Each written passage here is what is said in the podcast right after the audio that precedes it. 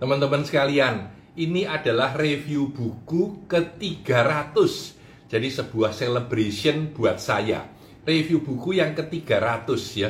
Saya ingat banget 200 hari pertama saya mereview 204 buku, ya 204. Dan itu saya mintakan hadiah muri. Jadi kita dapat hadiah muri ya um, sebagai preview buku terbanyak berkesinambungan di Instagram ya. Jadi uh, sekarang sudah 300 dan sekarang sudah dua tahun satu bulan. Berarti sudah berapa ya? 200 hari ini 700 hari ya. Berarti 500 hari terakhir cuma jadi 100 ya. Jadi tiap lima hari saya review satu buku. The Science of Being Lucky. Menurut saya review ini menarik karena uh, esensinya penting buat kita. Buku The Science of Being Lucky ini saya beli dari Amazon ya. Saya beli dari Amazon ya lalu saya mulai baca kira-kira beberapa hari lalu seminggu lalu atau dua minggu lalu ya waktu saya di Bali. Saya mulai baca. Wah enak banget ya.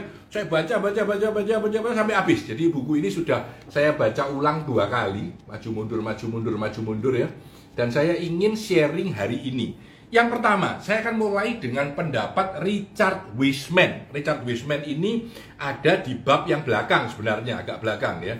Jadi dia bilang uh, di sini, dia bilang Richard Wiseman four factor. Jadi ada empat faktor orang itu menjadi lebih hoki. Wah ini ya lebih hoki, lebih laki ya. Nah, uh, yang pertama, yang pertama, open to the new experiences. Jadi orang itu kalau kita terbuka pikiran kita pada experience-experience yang baru, mau mencoba hal yang belum pernah sebelumnya, orang itu akan menjadi lebih lagi. Richard Wiseman ini salah satu penulis yang saya suka, saya juga punya bukunya dan pernah saya review tentang luck factor. Jadi dia bilang bahwa orang itu kalau dia terbuka dengan new experience, dia mau mencoba hal baru, tidak pernah pergi ke luar negeri dicoba, tidak pernah melakukan sesuatu dicoba, itu luck faktornya akan naik. Itu yang pertama. Yang kedua, listen to your gut, dia bilang. Kamu harus mendengarkan uh, apa namanya uh, your gut. Jadi Anda punya nyali atau keberanian atau intuisi. Saya terjemahkan dengan intuisi ya jadi kalau kamu merasa, wah aku kalau ketemu orang ini rasanya akan berguna buat aku. Percaya itu dan coba lakukan. Nah itu akan membuat Anda lebih lagi. Karena kalau Anda terlalu memikirkan secara teoritis semuanya, maka akan terjadi apa yang Richard Wiseman bilang, uh, analisis paralisis. Jadi mikirin pergi apa enggak ya, jalan apa enggak ya, mau melakukan ini apa tidak ya. Nah itu akan membuat dia uh, lama untuk bergerak dan terlambat biasanya. Kesempatannya udah lewat. Jadi yang kedua tadi listen to your gut.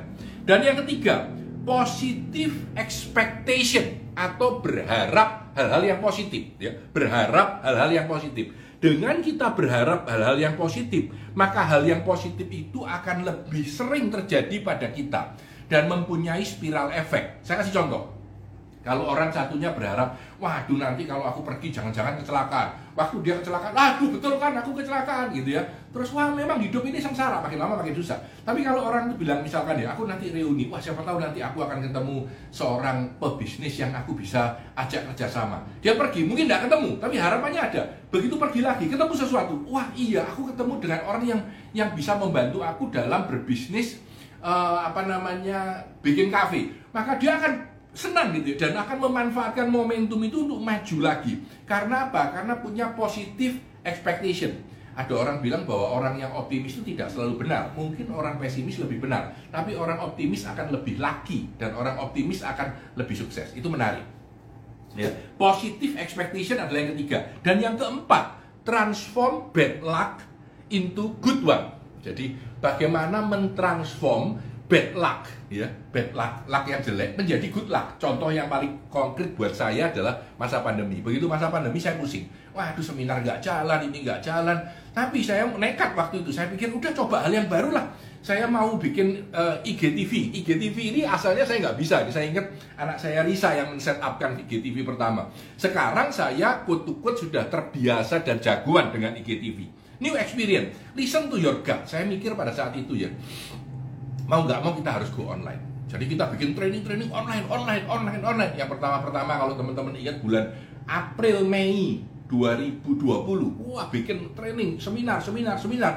Berbayar 100 ribu berbayar 200 ribu berbayar 1 juta. Tidak berbayar. Udah sikat terus saja dicoba. Karena menurut feeling saya itu akan jalan. Dan akhirnya kita jalan ya. Hasilnya pada tahun 2021 penjualan training kita dengan online itu naik 35% menurut saya itu juga karena saya listen to my gut saya jalan untuk melakukannya. Nah positive expectation sama. Jadi kita berharap ada hal yang positif di dalam dunia baru kita atau di dalam kehidupan kita ya. Dan yang terakhir tadi yang saya bilang transform bad luck into good. Sekarang saya bisa seminar dari Amerika, saya bisa traveling di Bali dan masih melakukan review buku. Saya merasa bad luck ini yang namanya pandemi ini bisa menjadi good luck buat saya. Nah, kalau teman-teman mau tanya Pak San, yang terpenting apa? Empat ini terpenting. Jadi kalau teman-teman sudah bosen, nggak mau dengerin saya lebih lanjut, berhenti di sini aja, berhenti di sini aja. Sudah cukup bagus ya. Ini cuma 6 menit, 7 menit ya. Nah, di belakang saya akan cerita lebih dalam tentang buku ini. Buku ini menarik banget ya. Jadi dia menulis banyak hal-hal kecil ya bahwa apa sih luck itu? Orang sering mendefinisikannya kepada dengan kata-kata being in the right place at the right time. Oh, tepat pada saatnya kebetulan hoki Cik Hok dan Cik Gi gitu ya. Nah ini yang yang menurut saya uh, sesuatu yang paling umum dianggap orang. Jadi aku hoki pak ketemu orang ini, aku hoki pak dapat bisnis ini ya. Tapi kalau anda lihat banyak sekali pembelajaran yang melihat bahwa orang itu ada yang hoki, ada yang tidak. Itu kebiasaannya adalah dari perilaku dia. Bahkan riset di dalam buku ini yang isinya cukup kaya banget, dia bilang tentang banyak hal dari kacamata yang berbeda-beda cara melihatnya ya. Nah, yang pertama, Warren Buffett, orang paling kaya dulu di dunia, sekarang sudah bukan paling kaya ya. Yang bermain saham, Warren Buffett, dia bilang ada luck itu dari kita lahir. Begitu Anda lahir, menurut Warren Buffett, dia memberikan nama ovarian lottery ovarian lottery. Jadi lottery ya dari ketika Anda di rahim ibu Anda. Jadi orang itu ketika lahir, apakah dia lahir sebagai laki-laki, sebagai wanita, sebagai orang pendek atau tinggi, tampan atau jelek, ya. Lalu anaknya dokter atau anaknya pengemis, lalu anaknya orang kaya atau anaknya orang miskin, berada di Afrika yang paling sengsara atau berada di Amerika yang paling mewah atau Anda berada di China, atau Anda berada di Rusia, atau Anda berada di uh, Korea Utara, Korea Selatan. Nah, itu katanya tergantung dari lah Anda. Anda lahir di mana. Ini menarik menurut saya, ya. Dan itu juga menggambarkan kenapa seseorang tiba-tiba dia jadi raja Kenapa jadi ratu? Kenapa jadi orang hebat? Kenapa jadi presiden? Itu kalau dibandingkan dengan orang yang sengsara, yang miskin, itu sebenarnya kan faktornya ada faktor luck dia bilang disebut ovarian lottery. Warren Buffett pun mengakui gitu ya bahwa ovarian lottery itu benar. Ya, saya lari ke sesuatu yang berbeda sekarang. Nah, katanya ada orang yang locus of controlnya. Jadi kita itu menganggap kejadian yang terjadi pada kita itu adalah dari internal, dari saya, atau dari luar. Kejadian itu dari luar, Pak, ya. Nah, ketika Anda menganggap kejadian itu berasal dari saya, biasanya orang itu lebih hoki. Karena dia mempunyai keinginan untuk melakukan sesuatu. Ya, ini yang pertama. Yang kedua, kalau orang menganggap bahwa semua kejadian dalam hidup ini dari luar, locus of controlnya di luar, bukan di dalam. Itu ada dua tipe. Tipe pertama adalah menganggap aku ini selamanya hoki. Dan itu baik. Kalau dia bilang bahwa hoki itu berjalan-jalan, kadang aku dapat, kadang aku tidak, walau aku berusaha apa pun bisa dapat, bisa tidak. Nah itu kurang baik. Kenapa? Karena dia akan diam-diam aja ya, aku nunggu hoki yang datang. Ya. Sedangkan orang yang merasa aku ini hoki, ya, itu dia akan berusaha dengan keras untuk memperbaiki diri, melakukan sesuatu yang membuat dia betul-betul jadi hoki. Jadi salah satu teori yang menarik, dia bilang adalah kalau Anda mempunyai kepercayaan bahwa Anda lucky, believing that you are lucky will make you lucky. Kalau Anda itu adalah orang yang mempercayai bahwa diri Anda lucky, ya, Anda akan menjadi laki. Nah, ini penting banget walaupun simple pendapatnya, tapi Anda harus perhatikan. Harus percaya bahwa diriku ini laki, aku ini lebih lah daripada orang lain, dari kebanyakan orang yang ada di dunia ini gitu ya. Dan dari situlah Anda akan mendapatkan bahwa Anda akan menjadi orang yang laki. Ini menarik. Ini penemunya namanya Alan Kirman bersama dengan Richard Wiseman juga mempunyai pendapat yang sama. Nah, ada buku yang saya review sebelumnya, namanya visualization ya. Visualization itu membayangkan, oh ini, oh ini. Pertanyaan saya, membayangkan itu apakah membantu luck atau tidak? Nah, evaluasinya menarik lagi di buku ini dia bilang bahwa visualization membayangkan sesuatu itu tergantung Anda membayangkannya bagaimana. Jadi gini, kalau Anda Anda punya keinginan buka uh, kafe, buka kafe ya. Maka Anda membayangkan, aku punya kafe yang besar, yang sukses, yang rame, itu tidak membantu. Tapi kalau Anda membayangkannya begini, aku mau punya kafe yang sukses. Untuk itu, aku perlu kenal cook yang baik, memasak yang tukang masak yang baik. Aku perlu kenal barista yang baik. Minggu depan aku mau ketemu dengan teman-teman, aku mau cari barista. Lalu aku mau pergi ke tempat yang kafe yang paling terkenal di Jakarta itu uh, untuk melihat mereka mengerjakannya apa. Sesudah itu aku akan menggambarkan apa aja yang penting. Pulang aku akan bikin perencanaan untuk kafeku. Nah itu akan membawa sukses. Nah menarik ya, menarik. Jadi satu kata visualization membayangkan itu bisa berarti bahwa itu adalah sesuatu yang baik dan membawa luck atau itu yang tidak. Ternyata kalau Anda membayangkan langkah-langkahnya untuk mencapai sukses itu, Anda akan menjadi lebih sukses. Menarik ya, menarik ya. Nah, teman-teman, hari ini karena acara buku yang ke-300, ya 300 book review, Tanah di So IGTV, buat teman-teman yang mau lihat eh, 300 bukunya ada di IGTV saya dan saya sudah bikin listingnya dari ini nanti bisa diminta mungkin kalau mau semua 300 itu bukunya apa saja kapan direview di IGTV semua masih ada direkam di IGTV saya ya jadi ini adalah IGTV yang ke-300. Nah, kembali ke The Science of Being Lucky, The Science of Being Lucky ya. Nah, salah satu hal yang paling kunci menurut buku ini adalah ketika Anda mau menjadi lebih laki, cara yang paling utama adalah menciptakan kondisi supaya luck itu lebih sering terjadi. Saya ulangi, cara terbaik untuk menjadi lebih lagi adalah menciptakan kondisi di mana bisa membuat luck itu lebih sering terjadi. Definisi dari luck itu adalah preparation meeting opportunity, katanya Seneca. Jadi Seneca ini orang terkenal. Dia bilang luck is where opportunity meet preparation. Preparation ketemu opportunity. Nah, opportunity-nya keluar di mana-mana preparationnya ini yang powerful. Ini yang harus diisi dengan hard work. Kerja keras, kerja mati-matian, kerja cerdas, segala macam. Ini yang, yang penting. Jadi dia bilang kalau luck itu adalah preparation meeting opportunity. Opportunity-nya ini bisa dibuat. Nanti saya akan ceritakan bagaimana membuat supaya luck opportunity lebih besar ya. Tapi preparation-nya ini yang membutuhkan kerja keras, ya. kerja cerdas gitu. Ya. Nah ini yang yang menurut saya uh, cukup menarik. Nah ada satu teori yang bagus sekali tentang uh, bagaimana membesarkan opportunity of luck disebut luck service area teori. Oh, ini ada ada buku ini. Dia bilang bahwa luck service area teori. Jadi maksudnya gimana? Maksudnya gini. Kalau Anda lihat satu permukaan ya. Kalau permukaan hokimu cuma kecil, kamu kemungkinan dapat hoki itu sedikit banget.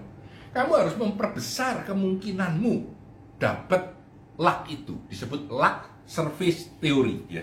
Saya merasa ini keren banget dan rumusnya sederhana banget.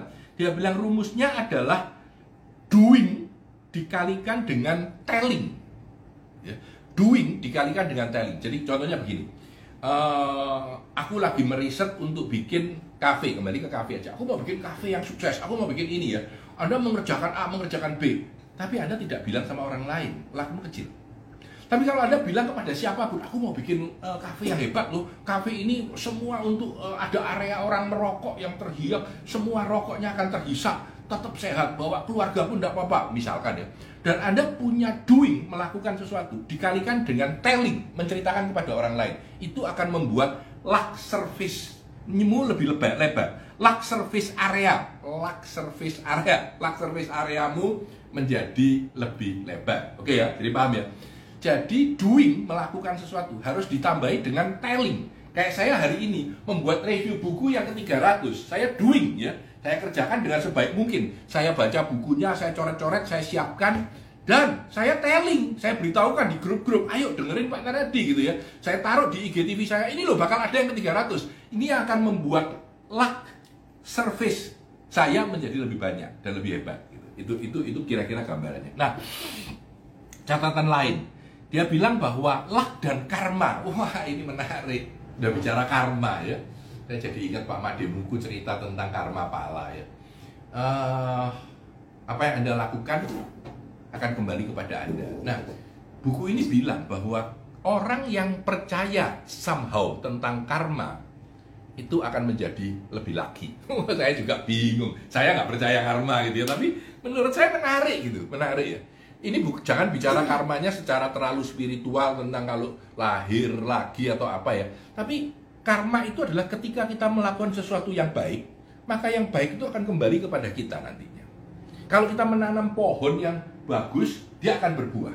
Nah, kepercayaan akan itu membuat kita percaya akan hubungan sebab dan akibat, membuat kita akan bekerja dengan lebih baik karena kita percaya bahwa kita akan menjadi lebih baik, kita akan lebih laki ketika kita melakukan sesuatu yang baik. Dan konsep dari karma ini akan membawa Anda menjadi lebih laki. Oh, keren ya. Menurut saya cukup unik dan keren gitu. Nah, satu lagi yang cukup menarik dan panjang adalah pemikiran tentang positive affirmation. Jadi kalau teman-teman pernah ikut saya punya IGTV namanya Soundtrack, Soundtrack ya.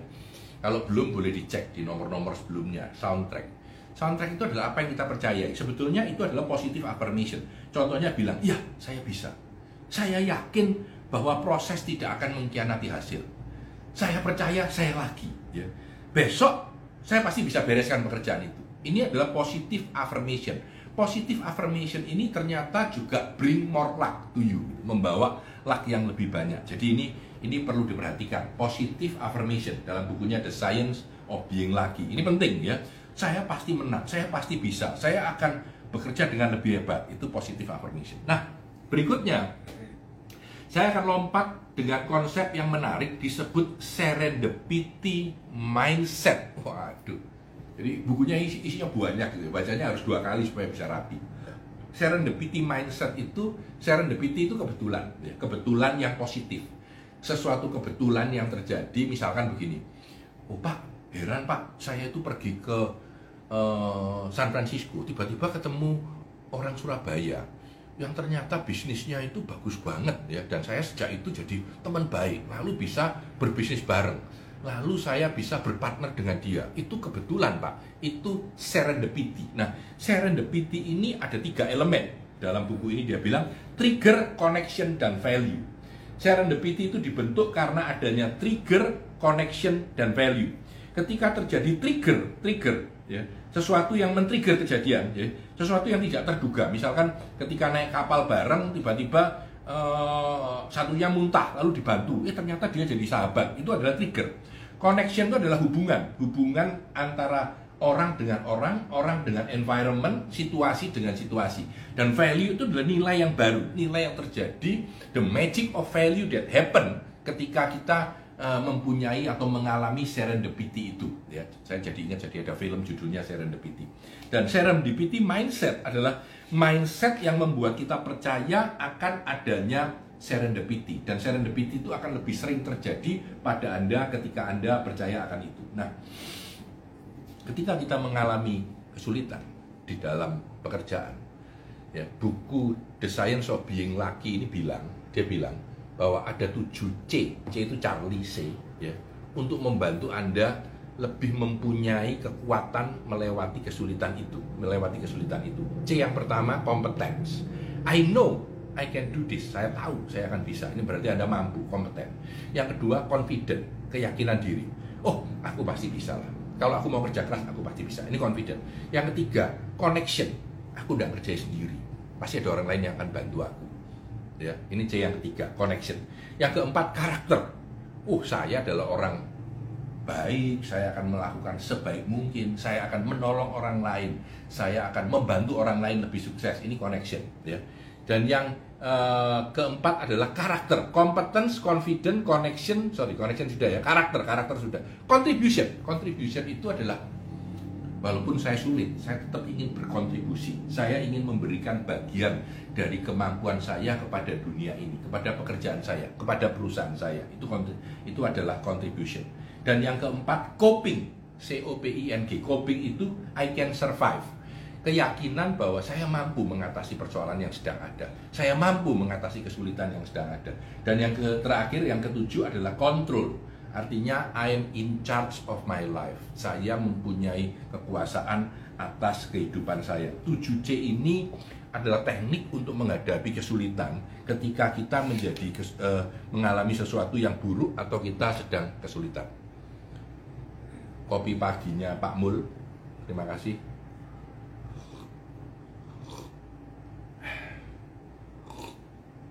Kita sampai pada bagian terakhir kita sampai pada bagian terakhir ya yaitu tentang strategic planning for luck. Ketika kita bicara the science of being lucky, kita mesti punya strategi untuk mencapai luck yang terbaik. Teman-teman, saya akan berikan beberapa strategi of luck. Yang pertama, find the fast flow.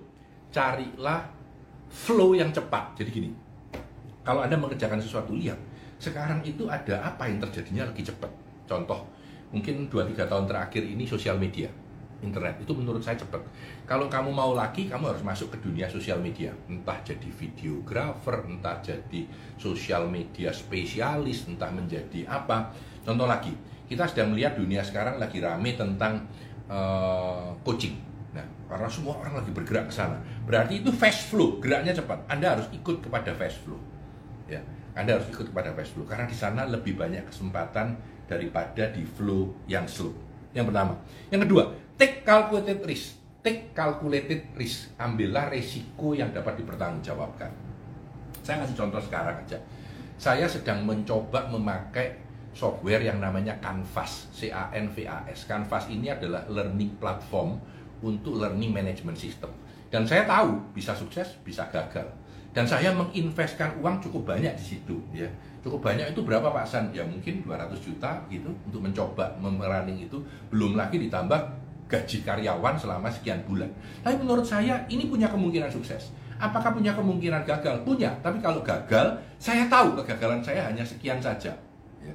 Jadi saya mencoba untuk mengambil calculated risk. Itu nomor dua. Nomor tiga, select your luck. Nah ini menarik. Pilihlah luck Anda itu yang mana, mana yang yang hobi Anda itu oh ini rasanya membawa hoki buat aku. Coba di sana dikembangkan. Di sana dikembangkan. Ya ini nomor, nomor tiga. Nomor empat take siksa pas. Wah keren. Hidup itu tidak lurus gini. Ya, hidup itu tidak lurus saja tapi dia siksa gitu. Nah anda harus paham kalau anda mau sukses harus berani jalan siksa itu aja. Definisinya adalah ya kita mencoba hal baru. Ya, kita mencoba sesuatu yang unik kita mencoba hal-hal yang belum pernah sebelumnya, itu siksa. Ya. Yang nomor lima, be a bit pessimistic. Nah ini antidot. Tadi saya sudah bilang di depan, optimislah, beranilah. Dia bilang untuk actionmu, kamu harus punya sedikit pesimistik. Kenapa? Karena kalau terlalu optimistik semua bahaya. Jadi sedikit pesimistik itu harus ada, tapi tidak boleh terlalu banyak. Yang keenam, accept that the universe is unfair. Terimalah bahwa hidup ini tidak adil gitu. Bijaksana itu adanya di sana, yang di sini namanya bijak sini. Jadi kalau Anda mencoba gagal, orang itu ngawur-ngawur sukses, tidak apa-apa. Ya itulah bumi ini. Coba lagi, karena di saat yang akan datang, mungkin Anda yang berada pada posisi yang lebih baik. Kalau tidak, Anda bisa jengkel. Wah, aku sudah kerja keras dan dapat duit. Wah, itu bahaya. Itu akan merusak luck faktor Anda. Nomor tujuh, masih ada dua. Be willing to work harder. Waduh, bersedialah untuk bekerja ekstra keras, lebih keras. Saya ketika masa pandemi, teman-teman mungkin sebagian tahu ya, ketika saya melakukan review buku ini ya, saya bangun jam 4, saya mulai aktif ya. Saya kerja dua kali lebih keras daripada sebelum pandemi. Ya. Padahal dengan penghasilan yang mungkin tidak ada 50% dari sebelum pandemi. Tapi itu merupakan bagian dari keinginan saya untuk mau melakukan sesuatu yang lebih hebat ya. Jadi itu be willing to work harder. Dan yang terakhir find a destiny partner. Find a destiny partner. Temukan partner wah destiny itu adalah apa ya ya sudah itu pokoknya partnermu gitu jadi kalau anda mau sukses cobalah mencari partner sukses di dalam kehidupan anda yang memang betul-betul menjadi belahan jiwa anda. Wah itu lebih keren mungkin ya. Nah teman-teman sekalian itu adalah 8 strategic planning 8 strategic planning. Ada seorang yang bernama David Hen orang statistician yang bilang extreme improbable event are commonplace. Dia bilang bahwa hal-hal yang sering dianggap tidak masuk akal, yang aneh, yang segala macam itu sebenarnya adalah hal yang cukup banyak terjadi di dunia ini. Ya. Nah, teman-teman, saya ingin nunjukin ini adalah ruang kerja saya. Jadi kalau anda lihat, uh, nah ini adalah ruang kerja saya. Ya. Dari sana kalau anda lihat buku-buku saya itu adalah buku-buku. Terus di belakang situ adalah meja kerja saya yang amburadul super, ya, yang amburadul super. Lalu kalau anda lihat ke atas itu adalah Eh, langit-langit uh, ya itu ada gambaran Ikarus juga di sana dan di sini kita buat hari ini uh, untuk khusus untuk acara ini ya. Uh, terima kasih teman-teman uh, yang sudah hadir pada pagi ini dalam acara book review yang ke-300 jadi semua book review saya 300 ini ada di IGTV saya. Dan ada listnya maksudnya listnya itu saya buat PDF nama buku penulisnya kapan direview. Ya, jadi bisa Anda cari di IGTV saya, ada listnya. Listnya dalam PDF bisa juga diminta atau nanti saya taruh di salah satu untuk bisa di-download ya. Jadi 300 book review pada tanggal 7 bulan 7 tahun 2022 jam 7 pagi ya. Uh, terima kasih buat Augie dan dia yang sudah membantu untuk mengeset pagi ini sehingga acara ini bisa go live ya. Uh, saya berharap acara hari ini bisa bermanfaat untuk teman-teman sekalian dan saya berharap mendengarkan book review saya bisa membuat Anda menjadi lebih lagi. Wah, pasti itu, pasti itu ya. Kalau sering mendengarkan book reviewnya Pak Tanadi, pasti akan menjadi lebih lagi. Jadi ini adalah review buku The Science of Being Lucky. Saya Tanadi Santoso, sukses selalu untuk Anda.